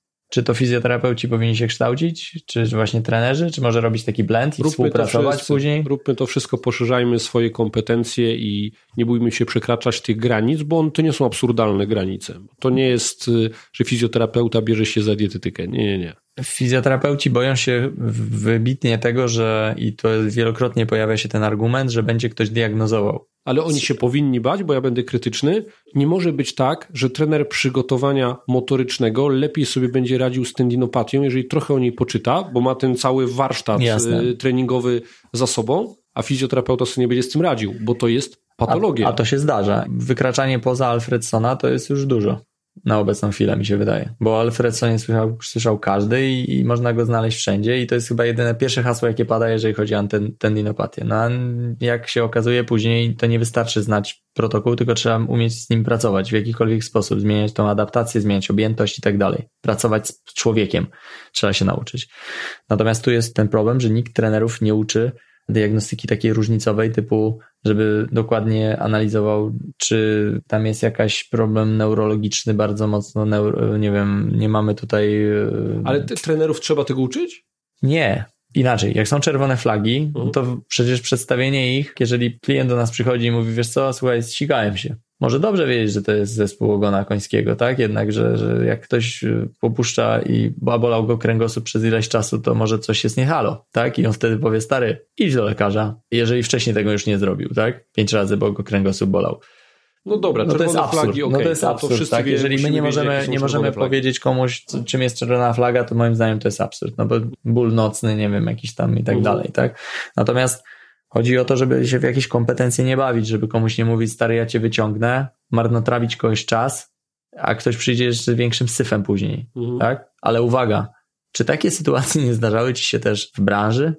No pewnie, że tak. I tutaj nie mówimy, nie robimy z siebie jakichś tam znowu Ale speców. obydwoje mieliśmy kiedyś 20 lat. Dokładnie. I każdy ma prawo popełniać błędy i ja tak samo myślę, że każdy fizjoterapeuta, jeżeli tak nie jest, to ja przepraszam, ale e, generalizuję, ale myślę, że każdy się na swojej krótszej albo dłuższej drodze spotkał z jakimś murem, czyli nie dał rady, może jakiś pacjent mu nie, nie podszedł pod względem wiedzy, którą aktualnie posiadał, albo coś i rozbił się po prostu o ścianę i niemoc i oddał pacjenta, albo odesłał kogoś do kogoś, ja tak miałem, też mi to wiadomo, ciężko przychodzi, że, że takie rzeczy się zdarzają. Się zdarzają, no jesteśmy ludźmi, nie wszystko umiemy i, i, i, to nie chodzi o to, że, że na jakichś banałach czasem się wywalamy, tylko po prostu czasem jest coś bardziej skomplikowanego, co nas po prostu przerasta i też trzeba wiedzieć powiedzieć stop, a nie katować kogoś przez następne trzy miesiące, które na przykład mógł wykorzystać na przykład na pracę, na to teniopatia, trzy hmm. miesiące terapii manualnej, ktoś chciał wrócić do sportu i to ma trzy miesiące wyjęte, bo trzy miesiące ktoś marnotrawił jego czas. Dajmy na to. Ja takie przypadki widzę i one mnie najbardziej drażnią. No to... Kiedy jest y, unieruchamiany ktoś przez trzy miesiące, pół roku, ugniatany, wmawiane mu są różne dysfunkcje, terapia jest wybitnie pasywna. Wraca na pierwszy zmienia. trening. Tak. I, I jest dokładnie to samo. Dokładnie tak. I to są najbardziej drażniące sytuacje, bo one doskonale obrazują to, o czym powiedziałeś. I ja się z tym nie będę zgadzał i między innymi ten podcast ma pokazać, że nie tędy droga wisienką na torcie, jak sobie mówimy o tej sile w praktyce fizjoterapeutów, chciałbym, żeby była siła lokalna względem siły globalnej. Czy globalna względem lokalnej? No. Jak tam widzisz to? Fizjoterapeuci lubują się w tej sile lokalnej. Nie? Czyli jeżeli cokolwiek oceniają w kontekście siły i mówią o sile, to mówią najczęściej o sile bądź słabości konkretnego mięśnia, y, jakiegoś jednego skubańca, na którego się uwzięli. To jest jedno, czy, czy to jest słuszne, czy nie, i cała ta diagnostyka to już było przed chwilą, mm. no ale jest siła globalna, czyli czasami po prostu musimy ocenić, czy dana osoba jest po prostu silna, czy ona kontroluje swój aparat ruchu, czy ona jest stabilna, czy ona jest skoordynowana. To wszystko związane z siłą. Nie możesz być skoordynowany, nie możesz być stabilny, jak nie jesteś silny. Nie? To zawsze będzie wyzwaniem. Czy fizjoterapeuci potrafią oceniać tą siłę globalną, czy nie? No z tym może być problem mm, z prostej przyczyny, ponieważ jeżeli my nie znamy tych globalnych wzorców albo też nie umiemy ich samemu wykonać bardzo często i tu niestety będę pił do tego, żeby po prostu ludzie, którzy się zajmują ciałem, po prostu pracowali nad tym ciałem. Ja Ostatnio mówię... o tym mówiłeś. Tak? tak. I to nie mówimy tu znowu o trenowaniu kulturystyki albo cokolwiek, ale ta świadomość ciała rośnie wraz z, z tym, jak my się nim posługujemy, tak? I nawet chęć wytłumaczenia później komuś czegoś może nam rzutować to, że nie umiemy tego powtórzyć, tak, no do cholery. Więc to będzie problemem. Nieumiejętność, tak jakby też mówię, wrócimy do tego, że nieumiejętność samemu wykonania danego wzorca, no i nieznajomość tych wzorców, tak, bo jeżeli ja nie trenuję w ten sposób i nie potrafię obciążać, nie wiem, jakie benefity niesie dane ćwiczenie, no to dlaczego mam je wykorzystać? To wtedy położę i ocenię, nie wiem, tylko siłę wyprostu, które ja też oceniam, na przykład, nie wiem, w leżeniu, czy tam w oparciu o jakiś boks, siłę wyprostu biodra, ale na przykład już nałożenie na tego innych komponent, tak rotacyjnej, zgięciowej, tak, i włożenie z tego wykrok w dynamikę na przykład, albo zrobienie split składu jako regresji, może to być problematyczne, jeżeli ktoś tych ćwiczeń sam nie robił. Więc lokalne wzorce są łatwiejsze do oceny, natomiast tak jakby lokalne wzorce składają się na globalne wzorce, więc tutaj nie możemy poprzestać tylko na próbie izolacji, bo to może pomóc, ale my mamy wyprowadzić kogoś od A do Z, czy też do B po prostu, tak? Nawet. Niech będzie. I tu może być problem, jeżeli tych wzorców nie będziemy po macoszemu je traktować, te globalne, a one są no jednak trudniejsze finalnie, bo więcej komponent. Fizjoterapeuci, ruszajcie się sami, praktykujcie te wzorce, bo będziecie bardziej kompetentni w tym, co robicie. Tak jest. Albercie, odpuszczamy już tej sile na dzisiaj? Myślę, że tak. Ale myślę, że jasno wyartykułowaliśmy, jak ona jest ważna i nie może być traktowana po macoszemu i powinna być priorytetem w pracy i w edukacji każdego fizjoterapeuty. Tak jest. Oczywiście wiadomo, że mamy różne rodzaje pacjentów też i różne rodzaje gałęzi, na przykład fizjoterapii, ale jeżeli mówimy właśnie tak, jak się powoływałeś zawsze na tą generalną populację naszą, no to... to statystyka, no. To generalnie, to generalnie, tak, to się to przydaje i to bardzo mocno. Jak nawet mówimy o pacjentach y, neurologicznych, no okej, okay, układ nerwowy, ale my pracujemy z tym układem nerwowym często poprzez aparat ruchu, tak? No, często. No, pracujemy poprzez zasadzie, aparat tak, ruchu. umówmy się, że to jest jakby wszystko... znowu nie, nie ominiemy tej siły mięśniowej, nawet jeżeli pracujemy z pacjentem neurologicznym, najwięcej pulmonologicznym, bo mięśnie oddechowe pracują dzięki sile mięśniowej. Tak, I... znaczy ta komponenta jest ważna, wiadomo, że tutaj nie będziemy się teraz kopać z koniem, czy tam trening siłowy w przypadku jakiejś spastyczności, czy nie, bo to nie o to chodzi absolutnie, żeby ktoś nas znowu nie zaczął pluć na nas. plastyka puszcza, nie? Przyłożysz opór? tak, więc tu generalnie nie grzebmy już może. Natomiast tak, no prędzej czy później gdzieś ta komponentę, wszystko ma, ma sens. Myślę, że wszystkie doktryny główne treningowe, fizjoterapeutyczne czy też terapeutyczne, tak, opierają się na przekładaniu jakichś sił przez ciało, tak, i skoordynowaniu tego, ale to no, niestety, no bez siły tego nie ruszymy, tak. Dlatego jest to tak ważne. Zrozum siłę, a będziesz lepszym terapeutą. Tak. Albercie, dzięki za spotkanie. Ja również bardzo dziękuję. Przyjadę trzeci raz. Bo porozmawiamy. Jednak. Jednak. Porozmawiamy o czym innym. Dzięki. Dobra, Trzymaj się. Cześć. bardzo w takim razie.